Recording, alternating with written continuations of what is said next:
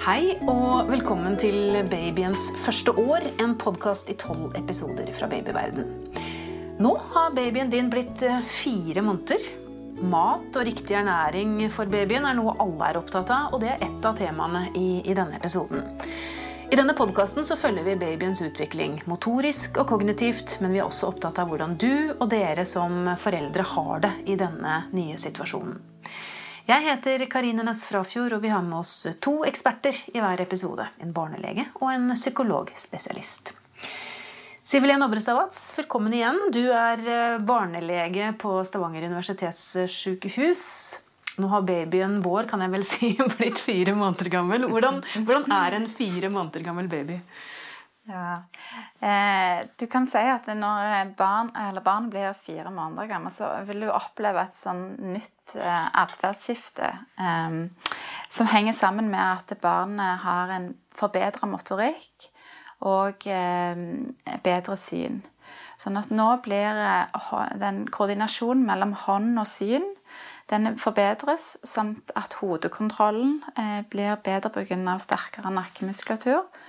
Og òg at finmotorikken etter hvert eh, utvikler seg. Eh. Og det gjør at eh, barnet nå begynner å få en økt oppmerksomhet og en økt interesse for omgivelsene sine, med at det har, kan se ting på litt lengre avstand enn det det har kunnet gjort før. Og at det begynner nå å bli litt mer nysgjerrig og vil utforske. Og nå når det eh, skifter på en måte for å bli mer interessert i omgivelsene, så er det ikke lenger den ansikt-til-ansikt-kontakten med foreldre som er like spennende som det har vært før, selv om den kommer til å være viktig framover eh, eh vel i noen måneder til. Eh, men nå er det mer eh, at barnet kanskje liker at du leker med det med at du kanskje kiler det, eller at du har eh, leker sånn som tittei og gjemmer deg bort. Og barnet begynner nå å forstå at hvis du f.eks. Eh, later som du gjemmer deg bak noe, eh, så vil det forstå når du titter fram igjen, så vil det forstå at eh, du har faktisk vært der hele tiden. Så det er en ny ting hos barnet. At det begynner å, å, utvikle faktisk humor òg, og begynne å lære. Sånn det, og det er jo veldig kjekt å, å høre at barnet ler, og ler høyt. Og det som er med barnet nå, er at det, det utforsker stemmen sin. At det begynner å lage mer lyder og eh, bruke repertoaret sitt. Og da er det lettere å få en dialog med lyder. Sånn at det, hvis barnet start, prøve å starte en dialog med lyd, så er det veldig lurt å prøve å imitere lydene. Akkurat den samme lyden? Ja. For det, det, vil, det vil, gjøre at barna etter, etter hvert eh, utvikler et mer fyldigere språk. Men da forstår barna at eh, den lyden barna har lagt, når du imiterer den lyden, så forstår barna at det, det er en lyd som oppfattes og, og som verdsettes. for. Så her begynner kommunikasjonen? egentlig? Det er kommunikasjonen. Mm. Og nå er det jo viktig å huske på dette her med at gjentagelse av, eh, av lyder, eller, eller, hvordan du møter og stimulerer barnet, det vil være veldig viktig i forhold til det med hjernens utvikling og eh, nervecelleforbindelser, og at, eh, at, barnet da etter hvert eh, vil kunne utvikle seg eh, intellektuelt og språklig eh, ved at du eh, ja, setter ord på ting.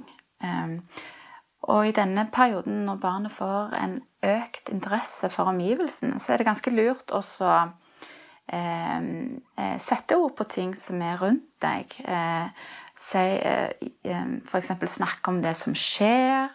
Snakke om hva som kommer til å skje snakke om eh, lyder du hører rundt deg, eller snakke om følelser, eller snakke om gjenstander du ser. Og, Selv om du forstår at barnet ikke forstår? Ja, du må snakke til barnet eh, som om det forsto. Og snakke med barnet, og ikke bare til barnet. Eh, og gjerne beskrive, gjerne bruke mange ord, sånn at barnet lærer seg å høre forskjellige eh, ord og lyder. Kan kanskje være lurt å bruke bøker også? Bildebøker med tegninger i? Absolutt.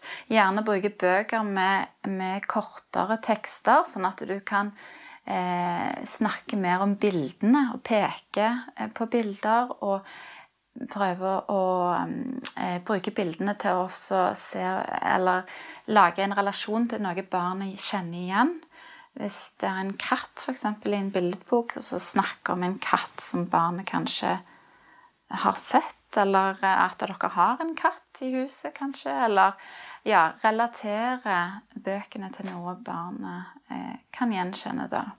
Og da er det jo tilbake til det med eh, å gjenta. Altså gjentagelser. Enten det er mm. bøker eller det er kanskje sanger, så vet vi jo at barn har en eh, tendens til å henge seg opp i noe de liker. Ja, og så må det. man synge det ja. eller lese den samme boken. Ja. Men, men, det har en hensikt? Det har en hensikt.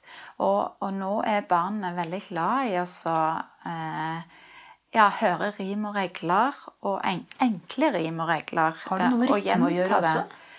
Ja, og så er det det med at de, de nå begynner å høre liksom, Ja, at de kjenner igjen ord, kjenner igjen lyder. Og det vil gjøre at det, det barnet opplever det som kjekt. da. At det, at det er de samme reglene som ja, går igjen. Mm. Så fire måneder gamle baby, da merker man en, en, liten overgang, som du sa i starten, fra eh, måneden før. At nå begynner det liksom å virkelig utvikle seg. Ja. Ja. Eh, nå er det på en måte eh, fra eh, at barnet er, er mer det derne ansikt til ansikt, eh, kontakten og dialogen med barnet, så er det nå at barnet eh, vil ut og Eh, å utforske. Da er det ganske lurt å la barnet eh, ligge på magen eh, i et, et, trygt område der barnet kan f.eks. Eh, har mulighet til å strekke seg etter noen leker, eller eh, at det der er noe som skjer rundt barnet, da. Mm. Mm. Fire måneder er jo også en milepæl i forhold til dette med fast føde. Nå kan man jo begynne å introdusere noe som ikke er morsmelk eller morsmelkerstatning til et barn. Mm. Hva er reglene? For det har jo vært litt sånn frem og tilbake. Fire måneder, fem måneder, seks måneder. Ja. Det har jo vært eh, mye diskusjon om eh, når er rette tidspunktet å starte med fastføde hos barn. Og eh, eh, det er ikke en fasit på det. Det, det er viktig også og så eh, begynner egentlig når barnet er rede for det. Og eh, tegn som viser til at barn eh, er klar for det, det er bl.a. at barnet viser interesse for, for mat. Og at barnet ikke går opp i vekt så godt som det skal gjøre når det får nok amming og morsmelkerstatning. Og at barnet er fysiologisk utvikla nok at det har god nok hodekontroll, og at det kan sitte oppreist, sånn at det, hvis det får fastføde i munnen, at det faktisk klarer også å eh, bøye seg fram, sånn at maten kan komme ut, sånn at det ikke blir kvalt hvis det skulle eh, ikke klare å, å, å, håndtere maten i munnen sånn munnmotorisk sett. Eh, men det, det, har, det som er det viktigste, er jo at barnet ikke begynner før det er fire måneder. For at eh, tarmen og eh, tarmfunksjonen eh, må ha utvikla seg nok til å kunne klare å fordøye maten. Og òg nyrefunksjonen må være eh, utvikla sånn at eh, en klarer at fordøyelsen skjer sånn som det skal. Um, og eh, så bør en heller ikke starte for seint. En bør ikke starte senere enn seks måneder. Ehm, men nå er det siste, eh, siste forskning som er gjort i forhold til det med å introdusere eh, smaksprøver da, eh, på, i fire måneders alder, har vist det at hvis du introduserer smaksprøver av matvareallergener, dvs. Si matvarestoffer som gir en tendens til at det kan gi en allergisk reaksjon hos, hos barn, Eh, hvis de innføres eh, eh, på et tidlig stadie, altså i fire måneders alder, så har det vist at eh, når barna da blir eldre, i tre års alder, at det vil eh, ha så mye som 60 redusert eh, risiko for å utvikle allergi. Så man skal faktisk introdusere for noe som kan gi allergi? Men hvis man gjør det tidlig nok, Ja, så er det stor sannsynlighet for at man ikke får det. Men hva slags matvarer snakker vi om da? Da snakker vi om f.eks. Eh, egg. Eh, vi snakker om hvete, soya, nøtter, peanøtter. Kan ikke gi en, kan ikke en fire måneder baby peanøtter, kan man det? Nei, da må du gi det i noe som er på en måte eh, bakt, eller, eller liksom noe som er Så det er en ingrediens i noe? grens, det må være kverna da, Mm. inni noe. Ja. Også det som er viktig, er jo det å gi det eh, på en måte at en gir ett og ett av disse allergenene eh, med mellomrom, eh, sånn to til tre dagers mellomrom. Så hvis barnet skulle få en reaksjon, så vet en hva barnet har reagert på. Men det som er viktig å huske på, er at hvis barnet en gang har reagert på melk eller på, på egg, så er det ikke sånn at barnet resten av livet ikke tåler dette. eh, dette allergenet, eller det, den matvare, matvaren, da. Da kan en reintrodusere det igjen på et senere tidspunkt. Men hvis et barn har hatt en veldig kraftig reaksjon, som vi kaller for eh, en eh, eh, anafylaksi Det var et vanskelig ord, men det er iallfall at det, eh, en får en, en eh, generell reaksjon i hele kroppen med at en får påvirkning av luftveiene. Og det er f.eks. nøtteallergi kan ofte gi det. Da må en jo introdusere disse eh, i et sikkert miljø, da, sånn at dette gjøres i samråd med, med barneavdelingen. Eh, eh, ja, sånn at en har beredskap dersom barnet skulle få en ny reaksjon. Men når man har en baby på fire måneder som kun har fått morsmelk eller morsmelkerstatning så langt, hva ville du anbefale det første man gir som introduksjon til fast eh, føde? Hva er det enkleste liksom, å forholde seg til? Ja, det, det Jeg tenker det, det er litt ut ifra hva du ønsker sjøl, men det enkleste må jo være å gi eh, enten mos eller grøt. Eh, mos av eh, grønnsaker eller frukt. Eller avokado er jo ofte brukt i, sammen med en frukt. Eh, eller at en gir, eh, en gir en form for grøt. Men hvis en skal starte med grøt, så må en starte med en anbefaler å starte med glutenfri holdig grøt. Eh, altså en eh, grøt som er lagd på mais eller ris. Eh, for at barnet da kan reagere på gluten. Og hvis, hvis en eh, eh, prøver først det, så kan en senere introdusere glutenholdig grøt, sånn som havre og hirse og, og andre typer meltyper. Men det som er lurt òg, er å gi morsmelk eh, samtidig eh, som du Eller det er veldig viktig, for at barn, fram til barnet er åtte-ni måneder, så skal morsmelk eller morsmelkerstatning være hovednæringen. Og fastføde blir bare som tillegg. Eh, sånn at en eh, morsmelk er òg sånn at det gjør at barnet eh, kanskje reagerer mindre på på gluten, f.eks. Fordi de gir beskyttelse? Det gir beskyttelse, ja. Sånn at jeg tenker at det å begynne i det små er veldig viktig når du skal begynne med fast føde.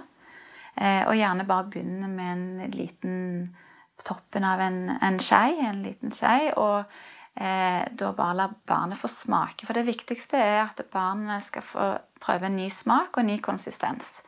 Det er på en måte i starten det viktigste med fastføde. Det skal ikke være et måltid. Nei. Det skal være bare en introduksjon av, av fastføde. Men så tenker jeg òg at det er veldig viktig også eh, at la barnet få smake på veldig mange forskjellige smaker eh, tidlig.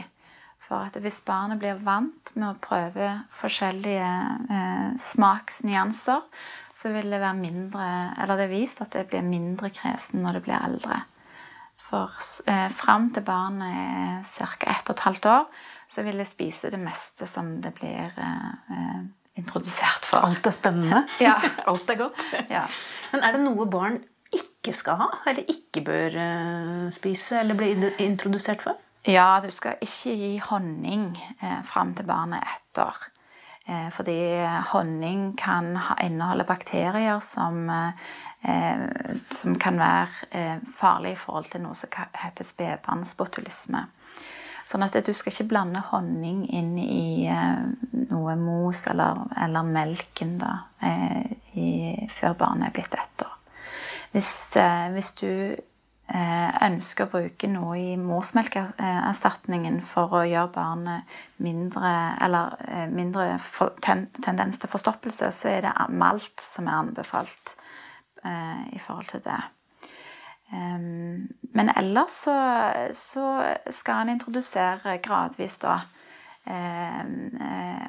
Og la barnet få være, være med. Barnet liker jo ofte søte ting, sånn at det er lurt å introdusere smaker, andre smaker, som syrlig og bittert og ja, andre konsistenser eh, med litt mer klumper, sånn at barnet får trent seg på, på å håndtere eh, både klumper og konsistenser i munnen.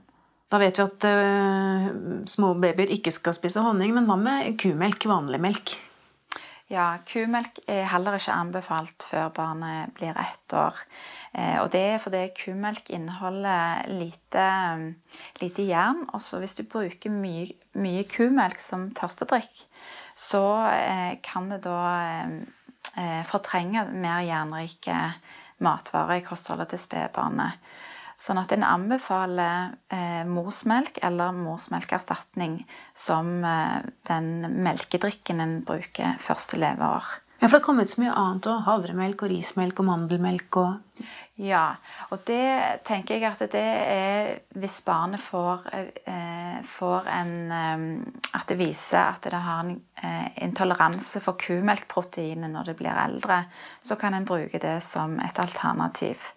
Eh, men når barnet er, er under året, så er det så mange viktige næringsstoffer eh, i både morsmelken og eh, morsmelkerstatningen at det er det som er første, førstevalg. Mm.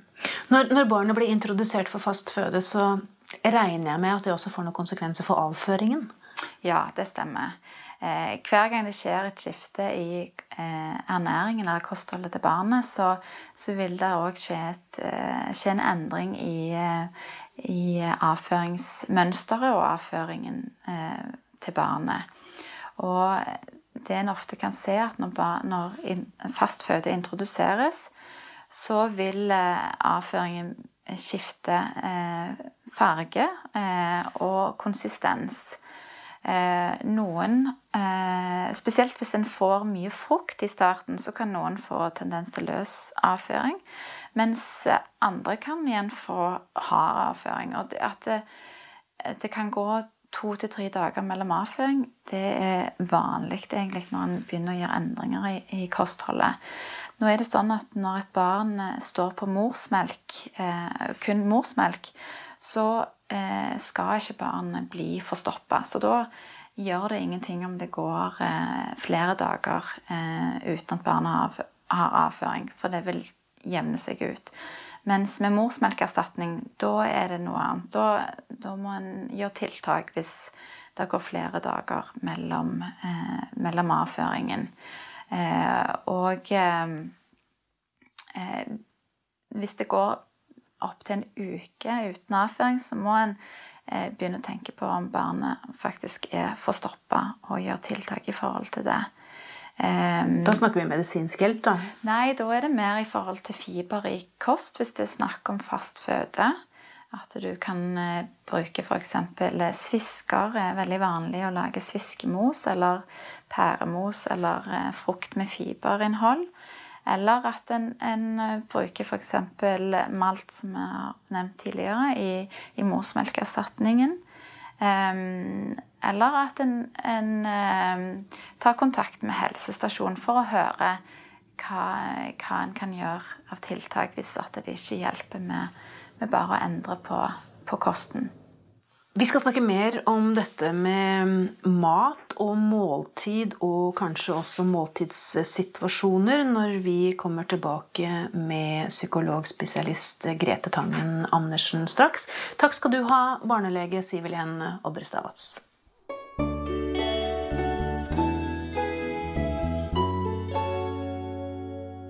Psykologspesialist Grete Tangen Andersen ved BUP i Stavanger. Eh, mat, som vi har snakket om, og måltider er jo en god arena også for samspill. Eh, hvordan mener du at man kan inkludere barnet på en god måte i familiens måltider? Ja, altså En kan jo fort tenke at barnet sjøl må kunne sitte ved bordet i en barnestol, men det kan òg sitte på et fang. Og at uh, en får spist litt etter tur, da. At de voksne. Men jeg tror liksom å venne seg til at det å spise er en god situasjon. ikke sant? Både det at du skal spise mat, du skal prate, og det er litt med atmosfæren rundt bordet. Og ja, og det å tenke at uh, mat er òg noe barn etter hvert skal velge å nyte. og og det kan fort av og til tenkes at barn skal spise så sunt, eller de skal Man prøver i hvert fall. Ja, en prøver det. Men jeg tror jo òg at barn skal få lov til å delta i alt. Hvis det er kaker i et selskap, så må de få smake bitte litt. Og, og, jeg tror jo det og De kaller jo noe for et smaksvindu. At hvis ikke bitte små barn og tre, fire, fem måneder når de begynner å få introdusert fast føde, så Det er jo begrenset, og det har jo barnelegen snakket om hva kan de spise, ikke, ikke spise. Men det gjør ingenting at barn venner seg til ulike smaker bitte litt. Men at ikke de blir så redde med en gang det blir noe som ikke smaker likt. For det kan jo få barn til å bli ganske særspiste mm. etter hvert. Mm. Sånn at en får lov til småsmake på bitte litt mens de er med bordet. Sånn at de, det blir en litt sånn spennende plass òg. Og at de får utforske litt smaker. Og, mm. For det er jo læring i det òg? Det er mye læring, og det er det at eh, barnet skal tørre, tørre litt. Og for mange foreldre Og nå kan jo barn plutselig ikke ville spise ulike matvarer og grønnsaker. Men i alle fall så sier de, de som forsker på det, at hvis barnet får utvidet hva skal jeg si, de smakene de får prøve seg på, så er det lettere at de får et litt mer variert kosthold. Og at det, det smaksvinduet, som de sier, det må en liksom på en måte bare hive seg på. At en ikke bare gir det samme liksom første leveår. Liksom, nå skal de få grøt, eller de skal få litt smakløse ting, da. Mm. Jeg, var, jeg, var, et sted hvor de serverte fantastisk god mat, og det var et lite barn, og alt vi fikk høre at hun skulle bare skyve med smør. Ja. For det var bare det hun likte, så tenkte jeg alt den ungen gikk glipp av. Ja, og jeg syns jo det må være forferdelig for et lite barn, for de ser, og de, de fornemmer jo at her er det gode ting. Og, så tenker jeg skal de ha lyst på den skiven med smør i det uendelige, da. Og jeg tror de er jo mennesker som har lyst til å smake, og de skal, de skal synes mat er godt. For at ikke de skal bli småspist eller særspist. Altså, det er jo noen småspiste mennesker uansett, men for at de skal på en måte få spist og nyte måltidet. ikke sant? Og det er ofte det er en del situasjoner som foreldre ikke styrer helt, og det er det med spising. At barnet skal selv ta det inn og svelge det ned. Du kan ikke styre det. Og, og søvn, som vi har vært inne på, det mm. styrer du heller ikke. Så du må på en måte gi deg litt hen til barnets natur og hva som skjer òg. Og så etter hvert og dette med, og, og, med tissing og bæsjing og bli tørr. Mm. Det er sånne ting, så det er ikke uten grunn at vi sier at det handler om selvstendighetsutvikling over tid. Fordi voksne kan ikke styre de inn i det. Så babyen, eh, barnet, de små barn, de må få mulighet til å velge mye, i hvert fall, når det gjelder å spise. Og det å sitte og kjenne at det er litt trivelig med bordet. Men det, noen foreldre kan være veldig redde for at barn ikke får nok i seg, at det ikke er sunt nok. Og der, så blir det en litt anspent stemning rundt bordet. Og kanskje småspiste barn vekker litt engstelse hos foreldre. Og, og, det betyr jo at det ofte kan utvikle seg litt sånn at foreldre kan prøve å virke vel, prøve å spille avslappet i spisesituasjonen. Men det er det ikke. Og det merkes jo selvfølgelig. Man kan ikke lure dem? Kan ikke lure dem. Og at du vil veldig gjerne at de skal spise akkurat en skje til. Det tror jeg de merker også veldig godt. Og da blir det ikke aktuelt. Sånn at eh, Fire måneder gamle babyer har vilje, det er det du sier? De har vilje. Mm. Og det tror jeg når min eldste sønn, om han var fire måneder, men han var rundt det, så hadde jo disse grøtpakkene, og jeg lagde opp akkurat det som sto på den alderen. Så mye skal lages opp. Og min mor, som var en gammel helsesøster, hun var på besøk, så sa hun han spiser en tredjedel. Har dere råd til å hive så mye grøt, sa hun. Og jeg sa egentlig ikke, men da ser jeg hvor mye han ikke spiser seg. Og det var jo så anspent holdning til det. Og da ble det jo til, sånn som noen foreldre og jeg gjorde. Og vi skulle kjøre biler og liksom lage masse underholdning rundt spising. Og til slutt var ikke fokuset på bare å sitte og være sammen og nyte mat og ta inn. Og det, ble, det begynte å handle om alt annet mm. rundt. Og det, Foreldre vil jo ikke inn i det. Men akkurat som en på en måte litt uten å vite det, så sitter en plutselig med en anspent spisesituasjon. Helt ufrivillig. Så, så det å lære å slappe av og la barnet bare få delta og spise det de vil, og tenke at hvis en er redd for vekten til et barn, så går en igjen på helsestasjonen. Men stort sett så er jo ikke det noe problem. Det at de får spist, og spist det de vil. Jeg tror det er alle som kan huske tilbake på situasjoner hvor de ikke bare har fått prøve seg og kanskje spytte litt ut. og Det er jo det bitte små barn gjør. De smaker og utforsker smaker. Så det er ikke positivt å tvinge og si at 'nå må du spise opp'. Eller de sier jo ikke det, er fire måneder gammel baby, men en kan stresse mye rundt den neste skjeen. Ja. Så den kan vi droppe. Jeg, ja, Ja. egentlig. Og Ja. det betyr ingenting for barnets vekst og utvikling i det hele tatt. Det er bare liksom den angstdrevne, som det betyr all verden, den lille skjeen der. Nå er vi jo bare på fire måneder på, Ja, på på introduksjon, måneder. heldigvis. Ja, ja. Men, men det går jo fort eh, fram mot både fem og seks måneder og, og full fast føde. Men eh, Du sier at det kan vi ikke styre, men, men kanskje noe vi kan styre, er å hjelpe barnet til å finne interessene sine? Altså i forhold til lek og nysgjerrighet og legge til rette. Ja.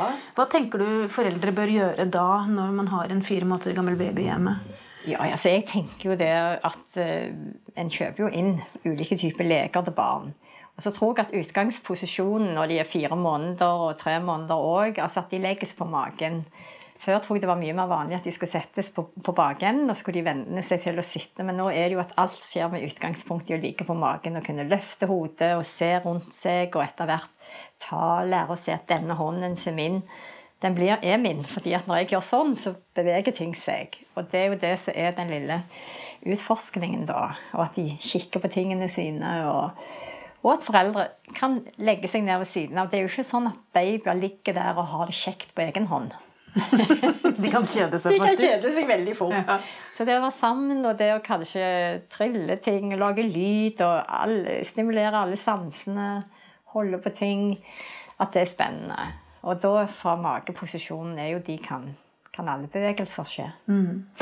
Å snakke med barnet um, vet jeg er viktig. Ja. Fra de er født. Ja Noen det- syns det er litt unaturlig, fordi man får jo ikke så mye svar. Nei, og det er jo det en tenker. Barnet kan jo ikke snakke, men det er jo sånn at barnet Menneskebarnet er jo spesielt utstyrt til å kunne lære å snakke.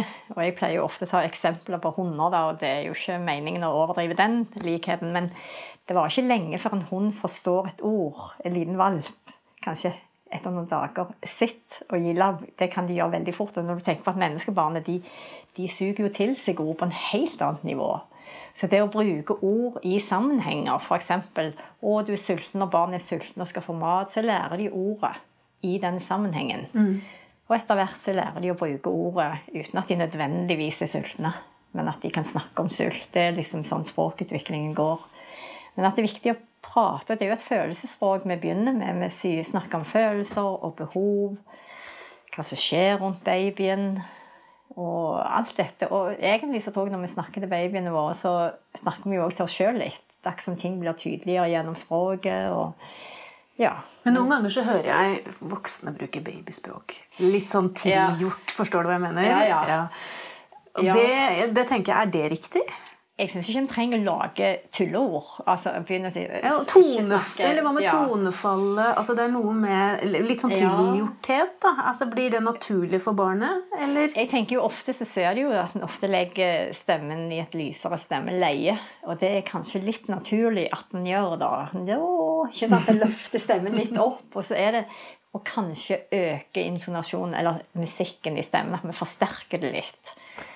Så jeg tror jo det føles litt uh, naturlig, da. Men hvis foreldre begynner blablabla, liksom, så lage at Du kan jo etterape lyd sånn at barnet blir interessert, men en skal jo bruke skikkelige ord. For de skal jo lære det. At ordene er uttrykk for noe. Ja, og Vi har snakket litt med Sivilén barnelege nå om dette med å lese for barn. eh, Ja. Selv om man kanskje ikke helt forstår. Men det har jo også litt med dette å kanskje bruke bildebøker, Ja. eh, vise bilder og sette de sammen med, med Ja. ord. Og det tenker jeg er jo ikke farlig at et barn ikke kan alle ord. Altså fordi det er jo noe som en lærer veldig gradvis. Men sånn som bøker og både det å synge altså Det vekker jo interesse for å se på et bilde og, si, og etter hvert si 'å, det er mø', og liksom 'bæ' og det, altså det er jo noe med å vekke interessen for språket. og det, det er jo viktig at barn lærer og har lyst til å lære. At det er kjekke, gode situasjoner hvor nye ting introduseres, og at det blir en sånn positiv greie rundt det. Ja. Du, I de forrige episodene så har vi snakket litt i forhold til parforhold. da, eh, Om eh, både sjalusi, altså voksen sjalusi, og eh, litt sånn problemer med søvn og det å finne sin rolle. Eh, når man har hatt en baby i fire måneder, da har man vel kanskje begynt å falle litt på plass? Eller hva tenker du? Jo, jeg tror jo etter hvert så kjenner en jo babyen sin, og det er mye rytmer som kommer mer og mer på plass, og en kjenner, sånn som du sier, babyen, og kommunikasjonen utvides jo på en måte til å bli mer Jeg vet ikke om jeg skal bruke ordet komplisert, men den inneholder mye mer enn helt i starten. Eh, Og babyen bruker blikk og følger med blikk og gir jo en annen type respons. og og det er jo noe som er viktig i utviklingen, og også i utviklingen av kontakten. At en merker at en får svar, og så blir det utvidet. Og så blir, viser barnet veldig glede når du kommer. Og, så sånne ting forsterker jo det gode i relasjonen, egentlig. Så det er jo viktig å vite at de gjør det. Og de gangene det ikke kommer på samme måte. Men så må en ikke bli for engstelig heller, for jeg vet jo at folk har vært engstelige for når barnet smiler. og og da kan de bli litt anspent i kontakten, sånn som du sa. De begynner, ser veldig på barn og skal smile veldig kunstig, og babyen får bare større og større øyne og lurer på hva det er. For det er jo noe med at det, det er liksom stemningen og tonen i kontakten som er ofte bestemmende for det. Man skal ikke henge seg for mye opp i normene av forventning kanskje heller Nei. på det. fordi at barn vokser jo rykk og napp, og De utviklingen går i, i rykk og napp. Ja, absolutt. Og, og, man, og vi har snakket om det også litt før, det, det med å sammenligne sitt barn med venninnens barn eller de Mm. Andre i barselgruppa sine barn. Og det, det kom lite godt ut av det, fordi det er sånn som du sier, det er ulike typer utvikling, både tempo og Til syvende og sist betyr ingenting. Eh, Jeg kjente noen som hadde en liten gutt, og han var litt sein med det å smile, men han ble jo en enormt smilende gutt da. Når han ble så to-tre år, smilte han, det var masse det igjen, lyd, og tok det veldig igjen. Ja. Og jeg tenker på alle de unødvendige bekymringene, og så at en har tålmodighet og tillit til at ting kommer, og at barn er forskjellige. Ja. Men når det er sagt, hvis det er noe man virkelig er bekymret over, så kan man spørre på helsestasjonen. Da syns jeg en skal spørre. For det er noe med at de på helsestasjonen har, de ser jo alle barn. Og de er veldig vant. De har jo den mengden de har sett. Så de, og de kjenner òg variasjonen i utvikling veldig godt, og hvor stor den spriken kan være. Så de vil være gode rådgivere. Så tenker jeg, hvis man har gått i fire måneder, og, og for det er det noen som gjør, kjenner på en litt sånn tristhet, Ja. Klarer liksom ikke helt å komme inn i denne nye rollen. Ja. Eh, kan godt være en fødselsdepresjon, men det trenger ikke nødvendigvis å være det heller. Eh, hva, hva gjør man da? Altså Hvis man ikke helt klarer å finne seg selv som mor, Mm. Ja. eller far, eller medmor, eller Ja. hva det måtte være.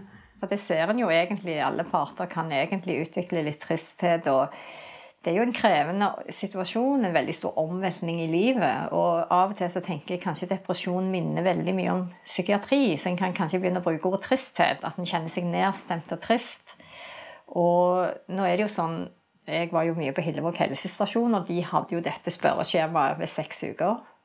Hvor de spurte litt mor hvordan hun hadde det, følte Syntes hun at du kom litt opp og hadde variasjon i humør i løpet av dagen.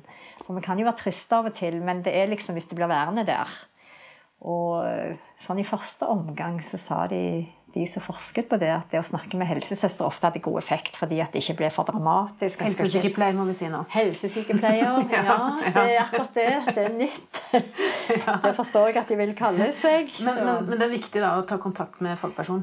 Ja, de, ja, for å få pratet om det, sånn at det ikke liksom ligger der, og så begynner en kanskje å bli lei seg fordi en er lei seg, og nå burde en vært glad, og nå burde en Masse sånne byrder. Ja. Og det er jo veldig viktig å få vite at egentlig så hjelper ikke det. Og det er ikke så farlig om en er trist heller, fordi poenget er at kontakten vil utvikles over tid. Og hvis det er noe som er litt vanskelig i en periode, så vil det repareres i neste. Det er veldig stor evne til reparasjon i relasjoner, så det vil bare skje. Og eh, mange har litt triste perioder. Det kan skje ting i livet ute òg som gjør at det, det blir vanskelig. Og jeg tenker bare en, en interessert i barnet sitt vil gi det beste. Det tror jeg er grunnlaget for det gode som kommer uansett å skje. Det er så godt å høre deg si det, for det kan jo virke overveldende med det store Ja. ansvaret man har, og Ja. at man skal lære barnet sitt, alt man skal gjøre riktig Ja, for at utviklingen skal være bra for barnet ditt. Ja. Men, men så gjør det ikke noe da man bommer litt eh, nå, da. Ikke i det hele tatt. Altså, jeg tror det er stort rom for å bomme. Jeg tror barn er interessert og glad i barnet sitt. og så tenker jeg, Det er jo ingen som kan treffe 100% hele tiden. Og så er en trist, og så er en glad, og så skal barn inn i det vanlige livet. For det inneholder jo alle disse følelsene. Og de klarer seg stort sett. De klarer seg stort sett, det vil jeg si. Absolutt. Godt å høre. Takk skal du ha, psykologspesialist eh, Grete Tangen Andersen. Du har hørt Babyens første år, en podkast fra babyverden. Lurer du på mer om hva som skjer med babyen din, eller har spørsmål rundt foreldrerollen, så anbefaler jeg deg å laste ned Babyverden-appen, eller gå inn på nettsiden vår babyverden.no, hvor du finner tusenvis av kvalitetssikrede artikler om nettopp babyer. Jeg heter Karine Næss Frafjord. Takk for at du hørte på, og jeg håper du vil følge oss videre i babyens utvikling måned hormonet.